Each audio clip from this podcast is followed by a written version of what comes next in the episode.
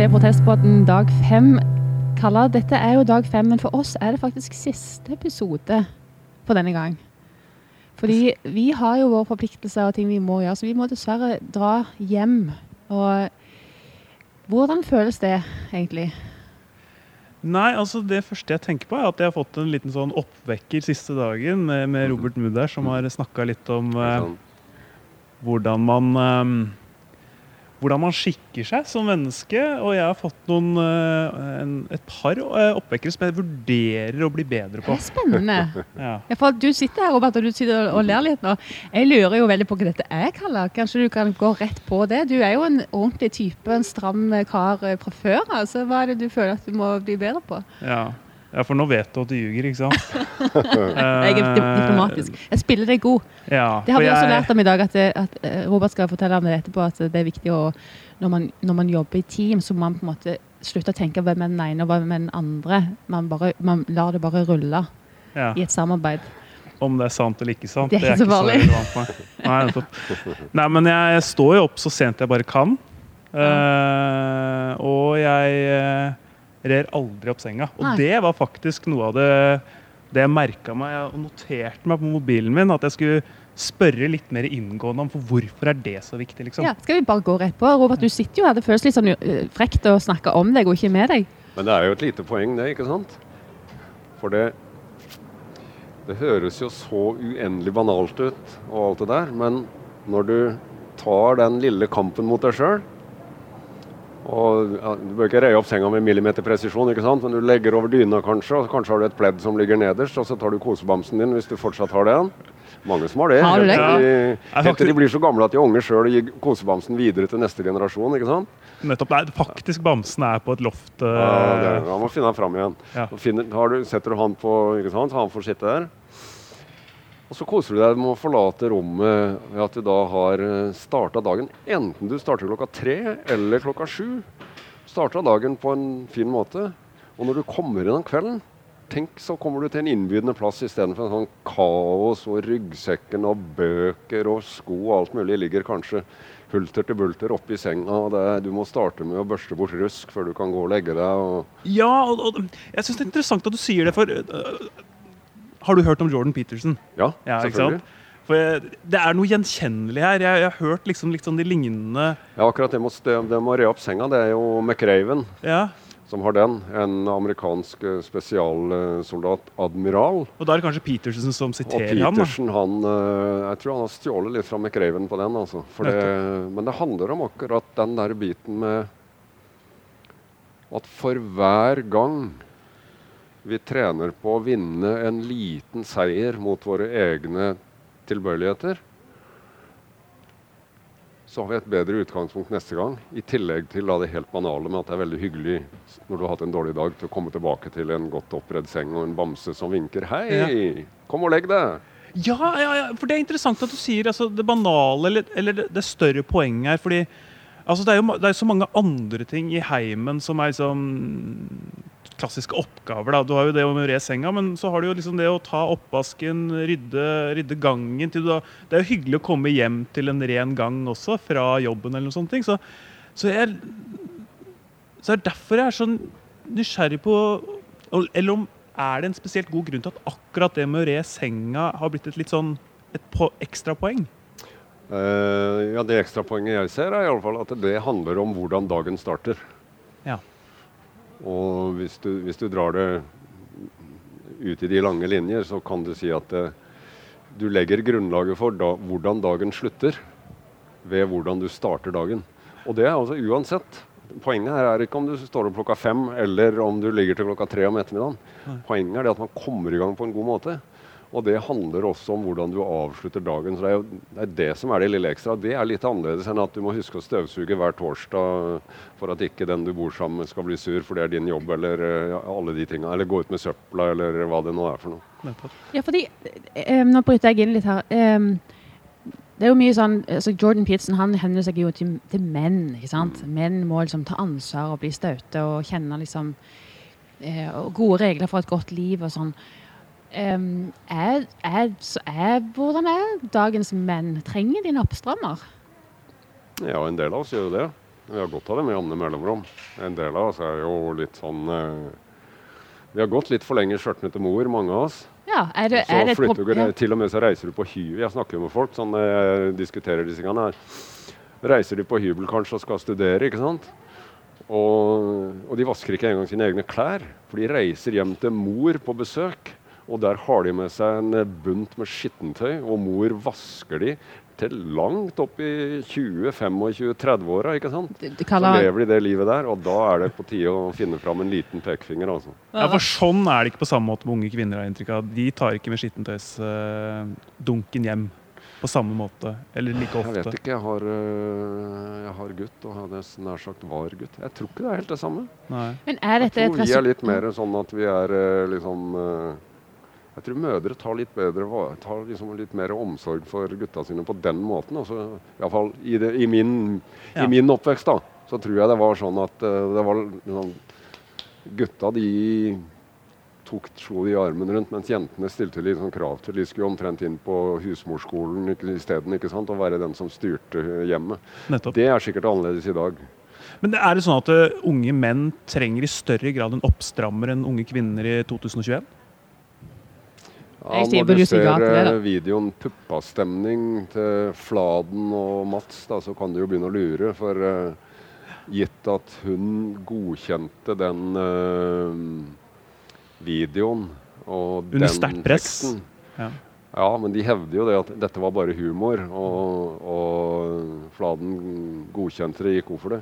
Hvis det er riktig, Mm. så er jo unge kvinner minst like rølpete som uh, unge menn, og trenger uh, med det som utgangspunkt like mye en omstrammer som, oppstrammer som gutta. Men altså Rølp er én ting. Um, grunnen til at dette er interessant, syns jeg i hvert fall, er jo at um, vi prøver å leve så gode, så li gode liv som mulig. Og, og åssen det livet ser ut på utsida. Man kan jo synes at det er viktig eller ikke viktig, men, men hva er det man går glipp av da, når man ikke har på en måte eh, Når man ikke får en god start på dagen? Hva, hva er det du vil med denne boka? For det er jo viktig å si at du har jo skrevet bok som handler om hvordan du står opp om morgenen. Ja. Um, 'Kunsten å stå opp om morgenen, ti råd for livet' heter, heter boka. da. Ja. Jeg, jeg, jeg er en veldig dårlig bruktbilselger og alt det der, men jeg syns det, var- det var kjempestas med hun 15 år gamle jenta som sa at eh, nå har jeg funnet min bok, denne skal jeg lese flere ganger, denne endrer livet mitt. På den ene sida og 90-åringen som sa at her, her var det, her kjente jeg meg igjen med mye. Så har jeg nok skryt. Ja, fordi det, men det syns jeg du- var fryktelig gøy. Ja, fordi du nevnte en 15-åring fra husker jeg fra scenen. Ja. Men at det var en jente, det, Det var en jente. det visste jeg ikke. helt ukjent for meg, som hadde fått anbefalt den av en eh, bibliotekar, tror jeg faktisk. Så det, det er noe så. Men kanskje hvis i, mm, Den tilbakemeldinga jeg får da, på denne problemstillingen som du spør om, og hvordan dette fungerer er, eh, Vi snakka så vidt om Petersen. Jeg opplever Petersen som mer sånn en voksen herremann som kommer med pekefingeren og forteller deg hvordan du skal leve livet ditt. Mens det jeg har forsøkt, og kanskje da for noen som kjenner seg lykkes med, er å, å fortelle når jeg gikk på trynet, da. Hva jeg erfarte, hva jeg eh, eh, kan by på av Jeg har levd et langt liv og vært med på mye rart, ikke sant. Og, og kanskje forsøke, da Jeg skriver helt sjøl. forsøke å fortelle noe som byr på litt refleksjon. Et, et mulig eksempel er, eh, som jeg pleier å bruke innimellom, det er Min første virkelige jobb det var på en bensinstasjon hjemme i Kragerø. Norges fineste sørlandsby, som ligger på Østlandet. Jeg slipper unna med det i Kristiansand når jeg sier det som ligger på Østlandet. Eh, bensinstasjon, ja. Og der kommer det, dag tre eller noe sånt, så kommer det inn en sånn Massey Ferguson-traktor. Svært panser, ikke sant. Og svære bakhjul. Og oppå der så er det to lokk. Og jeg var ny, usikker. Jeg, hadde ikke, jeg visste ikke frem og bak på en traktor. Eh, Når han kjørte bort til pumpa, sier han skal ha full tank. Og mm, jeg er da så usikker at jeg ikke spør han om hvilket lokk som er rett. Og de blokka er blankslitte begge to. Så jeg tar en sjanse, og så fyller jeg på diesel, og så stopper det etter 3,5 liter. Du tok den sjansen der? Jeg tok den sjansen. Og det jeg da hadde gjort, var å fylle diesel på blokka, der hvor det normalt skal være olje. ikke sant? Og han ble jo rødflammete på halsen og halvsvett og begynte å stramme seg ordentlig opp for å kjefte på meg, for han skulle på torvet med jordbær. Hadde dårlig tid. Men så kommer han som jeg hadde da ansatt meg noen dager tidligere. Han hadde stått bak i, inne i butikken og sett på dette. her. Han skjønte hva som skjedde, skjønte hva som foregikk. Kom ut, og så klappa han bonden på skuldra og sier 'slapp av'. Gi oss ti minutter, så skal du ha full tank med diesel på vår regning. Og du kommer til å nå torvet uansett, Robert. Nå kan du gjøre det. Og Jeg hørte ingenting om episoden etterpå i det hele tatt. Og for meg, da det, Å prøve å fortelle den type historier, fortellinger, som noen kan kjenne seg igjen i noe av det, og tenke at ja, akkurat den der usikkerhetsbiten er å tørre å stille de spørsmåla. Det eneste dumme spørsmålet er det spørsmålet du ikke stiller. Det er et grep jeg prøver å bruke i den boka, da. Hvor det byr på gjennom fortellinger, inviterer til refleksjon, men det ligger et budskap under. Det jeg, det jeg forbinder med Forsvaret, er jo liksom at du må ha ting på stell, at ting er veldig strengt. Ja, og sånn. Og da blir jeg, når jeg blir sånn, så blir jeg redd, og så gjør jeg ting feil. Ja, men det er ikke sånn det er, vet du. Den viktigste egenskapen i Forsvaret, det er å stille kritiske spørsmål. Det er det viktigste egenskapen. Og dette dyrker Altså Hollywood-stereotypien om soldater som går i takt og opptrer som roboter, det er så feil som det kan bli. De beste avdelingene i Forsvaret, og er mye spesialstyrken jeg refererer til her, da, når, når de skal ut og hente dette er en, en sann fortelling fra, fra Afghanistan ca. 15 år siden. Når de skal ut og hente en eller annen langt bak fiendens linjer, inn med helikopter, og så klatre og klive om innmarsj og flere kilometer, og riktig rom må de finne, og de må få tak i riktig kar, og de skal ut igjen, og alt dette her. Så for det første, de er stoltest når de kommer hjem uten å løsne av skudd. Der har de bruddet med Hollywood i utgangspunktet. De står på et norsk verdigrunnlag de gjør etisk riktige valg, og de smiler bredest når de kommer hjem uten å ha løsna skudd og løst oppdraget. Det siste de gjør før de går om bord i helikopteret for å reise ut og gjøre den jobben, det er at de tar de som skal gjøre jobben, setter de på halvsirkel.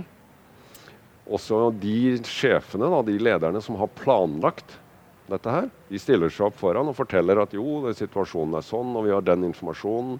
Helikopter fra til der, og dere blir henta etter så mange timer der, og vi må gjøre sånn og slik. De forklarer hvordan de har tenkt at oppdraget skal utføres. Og det som er et svik, et svikt fra de gutta som sitter der og skal ut og gjøre jobben, det er hvis de ikke stiller de kritiske spørsmåla. De, er opplært til å stille de kritiske spørsmål. De er opplært til å rive planen fra hverandre og si at nei, vi kommer aldri i verden til å klare å være der etter 1 time og 20 minutter. Her må vi legge inn en halvtime ekstra. Og vi må ha med den type radio istedenfor den type radio. Så det å utfordre lederne, det å stille kritiske spørsmål, det å ta diskusjonen, det dyrker man. Men du, når beslutningen er tatt, når helikopteret har letta, da, sant? da går du ut og gjør jobben. Og så må man improvisere hvis det går, Unnskyld, hvis det går dårlig underveis.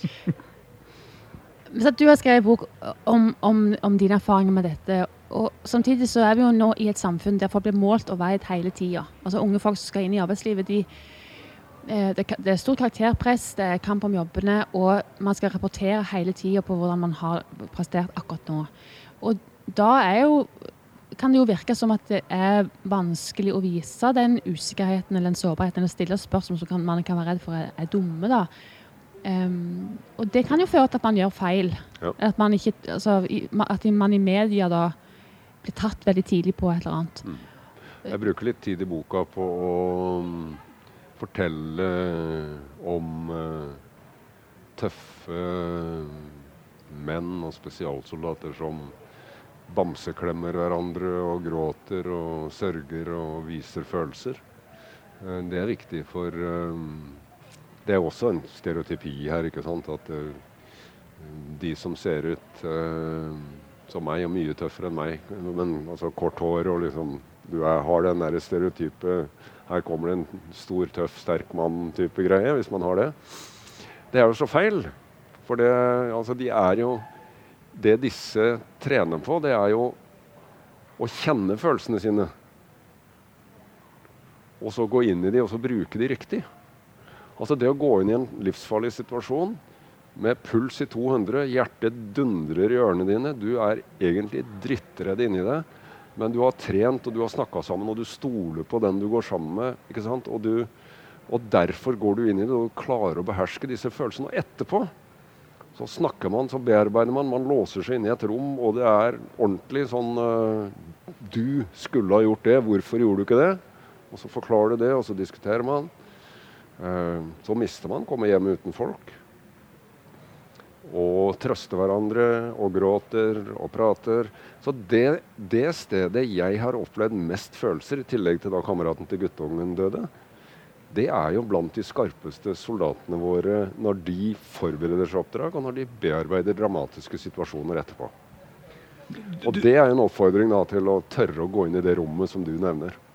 Jeg synes Du fortalte en veldig interessant anekdote under foredraget i forhold til dette med det presset og det å være best og sånne ting som du nevner. Um, jeg tenkte på det stupet, det du nevnte om stup, eller baklengsstup. At mm. det, dere nødvendigvis ikke var mest interessert i de mm. flinkeste, men de som kanskje var mest formbare, eller um, Jeg vet ikke, Du kan egentlig bare ta det derfra. Jo, den, den er eh, Jeg syns den er et godt eksempel, for dette handler jo om å finne For det første å luke ut ramboene å luke ut de som uh, på en måte er en, en personlighet da, som fort kan uh, uh, gå i takt og ta ordre og ikke tørre å stille kritiske spørsmål. Da. Ja, ja, kan ikke du fortelle de den bort. Kan ikke du forklare den analogien ja, først? Med skal, ja, sorry. Men det er, det, det er, dit vi vil. da. Ja, det er det vi bruker den til. Nettopp. Sile ut de, og finne de som kan gå inn i en kampsituasjon og ta de etisk riktige valgene. Sånn? Det skal vi bruke det til.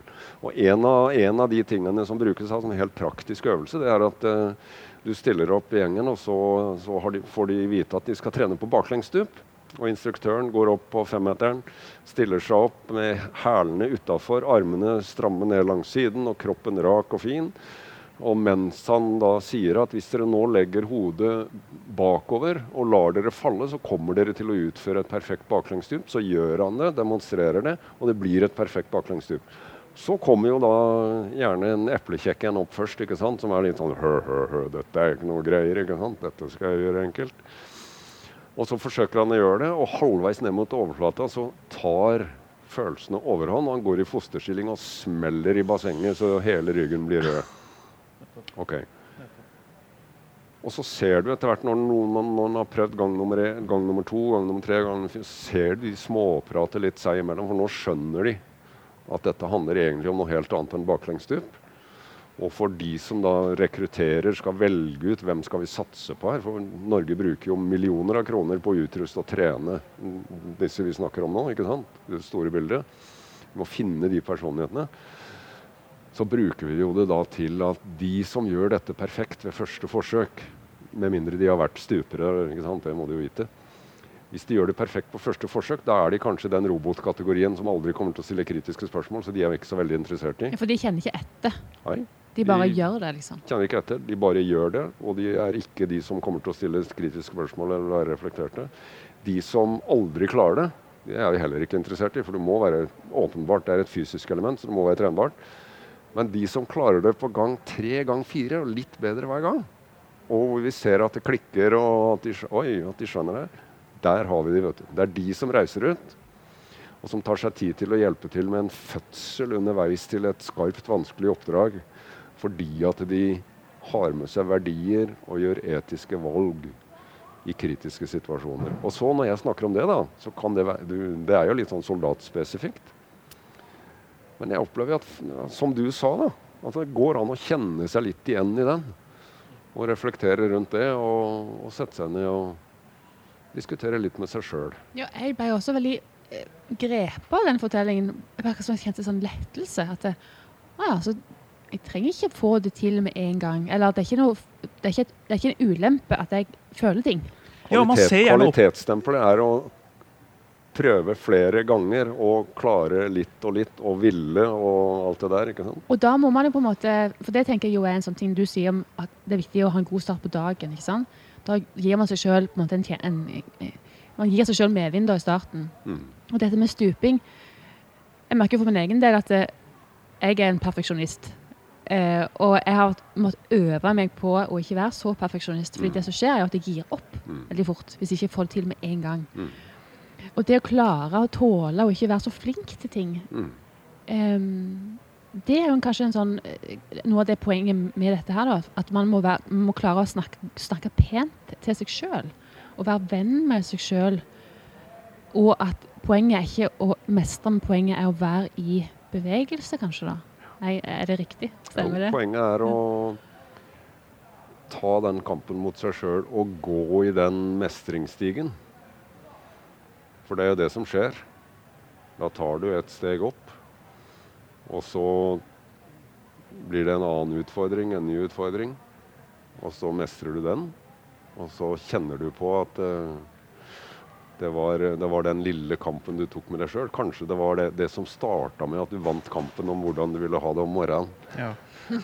ja, men jeg, synes det, jeg er veldig fascinert over akkurat, det, akkurat den historien her, fordi jeg blir veldig motløs av de beste. Og det er alltid noen som er bedre enn meg i så mange områder i livet. Hva gir, liksom. gir du opp, da? Hva? Ja, jeg gir opp, jeg gir opp veldig fort. Uh, og blir litt sånn defensiv. Redd for å gi alt. For hvis jeg gir alt og ikke får det til, så er det, da, har, da mangler jeg unnskyldning overfor meg selv. At jeg på en måte bare Jeg, jeg brøy meg ikke nok. Mm.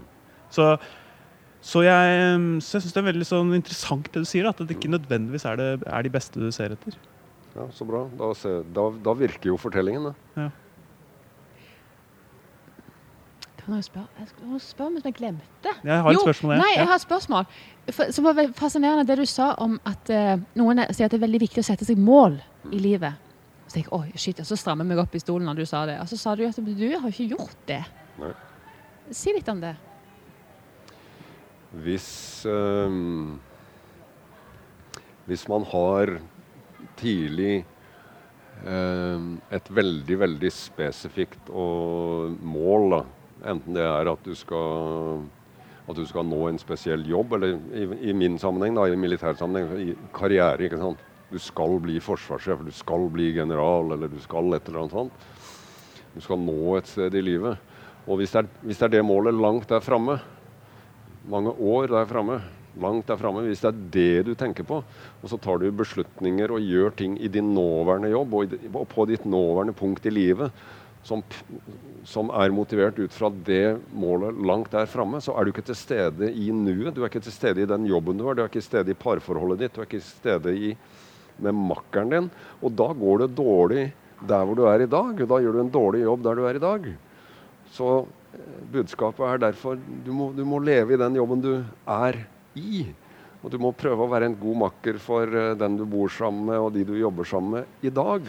Og så vil muligheter da komme av seg sjøl. Da vil du kanskje ende opp dit du skal, da. Og du ender veldig, veldig fort opp der du hadde en sånn vag, forsiktig drøm at ja, noe sånt eh, kanskje. Ja, men vil du det? Altså, jeg, jeg, jeg kjenner meg litt igjen i det. Men jeg har alltid tenkt på det som en failure, som noe dumt. At jeg, Feiggut, liksom. nei, men jeg, jeg lever i nuet, jeg ser ikke framover, jeg ser ikke bakover. Jeg planlegger ingenting. Men jeg har alltid sett på det som noe daft og slapt, og at, at jeg mangler vilje. Ja, det skal mangler, ikke være det, for du mangler vet jo Ja, men at, at, at jeg er uambisiøs, da. Ja. For det er jeg. Mm. Er du ambisiøs? Ja, Kjempeambisiøs. Så du er ambisiøs, men du planlegger ikke eller ikke du framover. Jeg har aldri planlagt hva jeg skulle bli når jeg ble stor. Og Yes. fortsatt, vet fortsatt ikke hva jeg skulle bli når jeg ble Hvordan stor. kan du da si at du er Men jeg er fryktelig ambisiøs. Det skjønner ikke jeg. Jo, fordi at jeg er helt bestemt på at uh, når jeg drar til protestfestivalen, så skal jeg dra herfra igjen med, i forvissning om at jeg har eh, bidratt med å gi litt merverdi til protestfestivalen.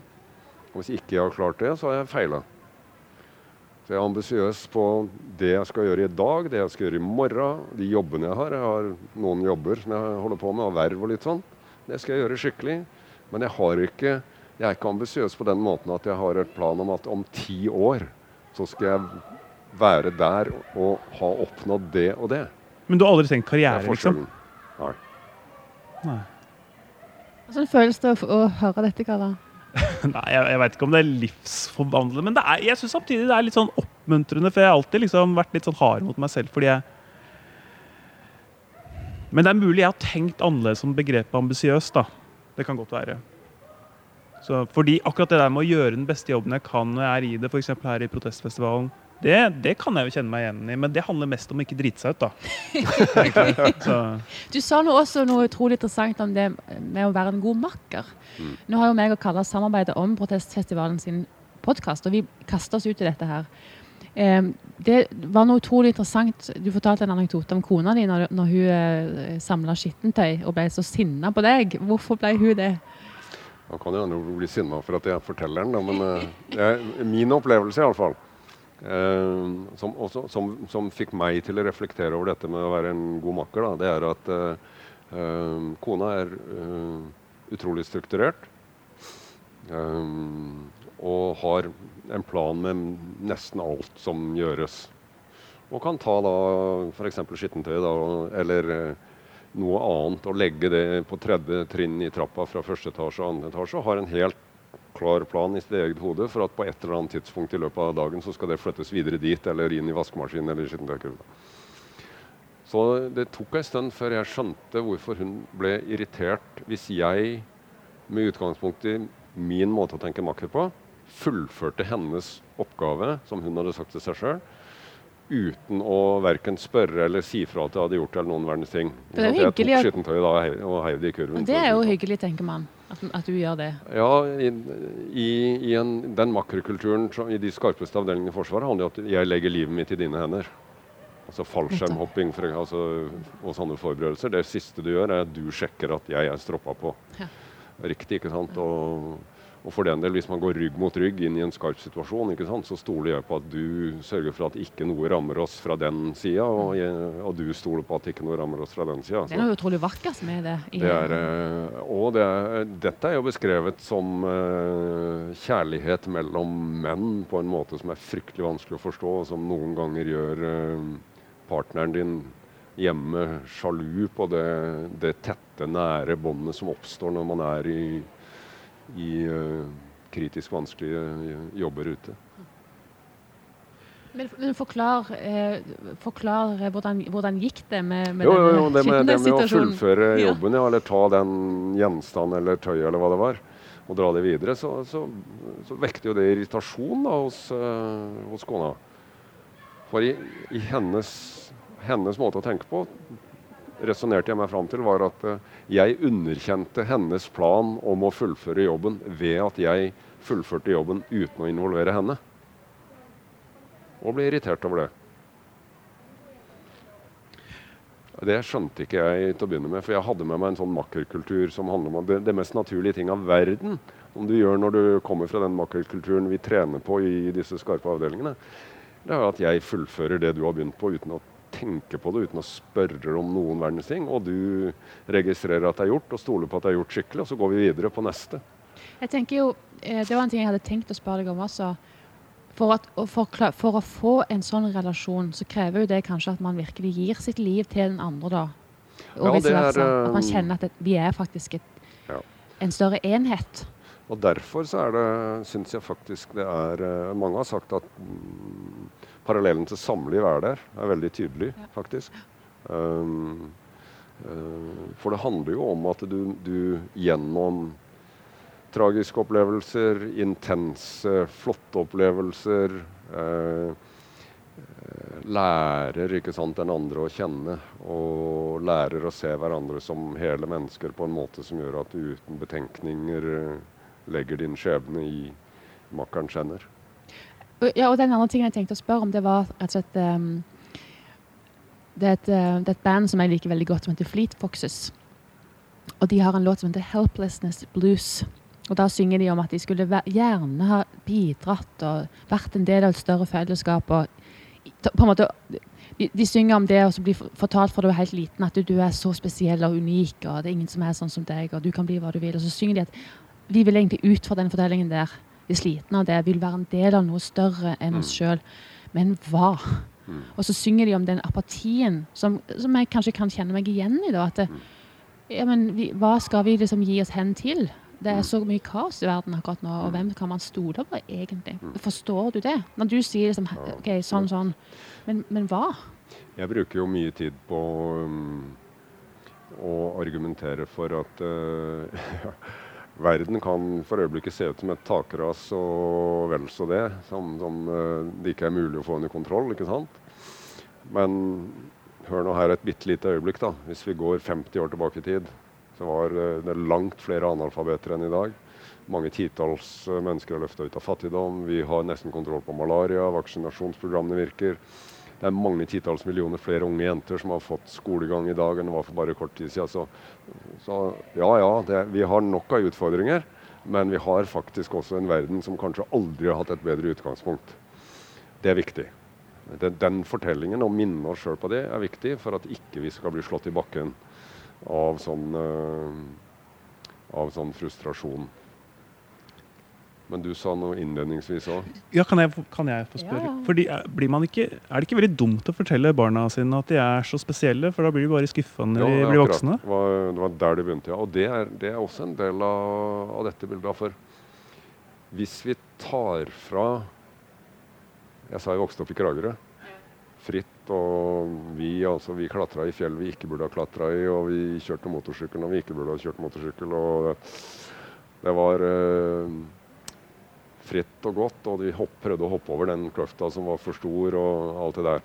Og Poenget med bare å dra inn de, det er ikke å skryte av barndommen i Kragerø, og sånt, men det er å si at hvis vi tar fra barna våre muligheten til å vokse på å gjøre små feil, til å vokse på å lære å kjenne sine egne grenser. Å klatre så høyt opp i den furua som står der og frister på vei til barnehagen Heter ikke det kanskje lenger. På vei til hva heter det nå? Førskolen? Nei. Ja, på et eller annet sånt, på vei til barnehagen. Hvis vi tar fra barna våre den muligheten, så tar vi jo fra de muligheten til å lære mestring. Og attpåtil, når de kommer hjem, hvis de sier at 'Å, gullungen min, du er så flink, du er så vakker, du er så pen, du er verdens flotteste', altså da tar vi jo fra de muligheten til å vokse og gro, da. Mm. Det må vi jo ikke gjøre. Mm. Hva slags idealer og verdier er mest eh, undervurdert i 2021? Gode spørsmål, Kalle. Jeg er imponert. Ja, men jeg er liksom for at, for det virker, ja, Tusen hjertelig takk. Men, men det jeg tenker med det, er at, eh, at det virker som om du prøver å um, uh, at, at, det er noen, at vi har litt annerledes forventninger om hva som er veldig positivt. Hva vi ser på som flotte karaktertrekk. At du, du virker som du vil litt bort fra det noen ganger. At du, du ser på andre trekk som veldig kanskje viktigere. Det, det viktigste jeg vil, er jo å folk, få folk til å tenke sånne tanker som du tenker nå, stille sånne spørsmål som du stiller nå, heller enn å besvare de. Sant? Det er en Mm. viktig bit av min motivasjon for å skrive. Men når det er sagt, så er jeg veldig opptatt av at vi må, vi må se verden som den er. Vi må tørre å se verden. Det er for mange kollektive livsløgner ute og går. Altså, det helt åpenbare, banale er eh, Hvor ofte hører vi noen si gjerne av de som er høyt oppe i, i, systemet, si at Norge er et lite land. Ja, Har du hørt det? ja men er det Er det sant? Det er blank løgn. Ja, er det det? Det er blank løgn. Norge har verdens nest lengste kyststripe. Vi har sju ganger større sjøterritorium enn landterritorium. Vi har 3600 km eller hva det er for noen, fra nord til syd. Vi har ansvar for 25% av energiforsyningen til Storbritannia. Hvis du tar, trekker inn det ansvaret i tillegg. Og Norge er ikke et lite land. Norge er et av verdens største land, som ligger strategisk utsatt til, og har stort ansvar for energiforsyningen til Europa. Så når vi sier Så det er en livsløgn, rett og slett? det er en livsløgn. Det er en kollektiv livsløgn. Ja. Og den, det vi sier med det, det er at eh, vi eh, Vi får det ikke helt som vi vil. Så vi bortforklarer på en måte Vi trøster oss med at ja, Norge er et lite land. Blank løgn.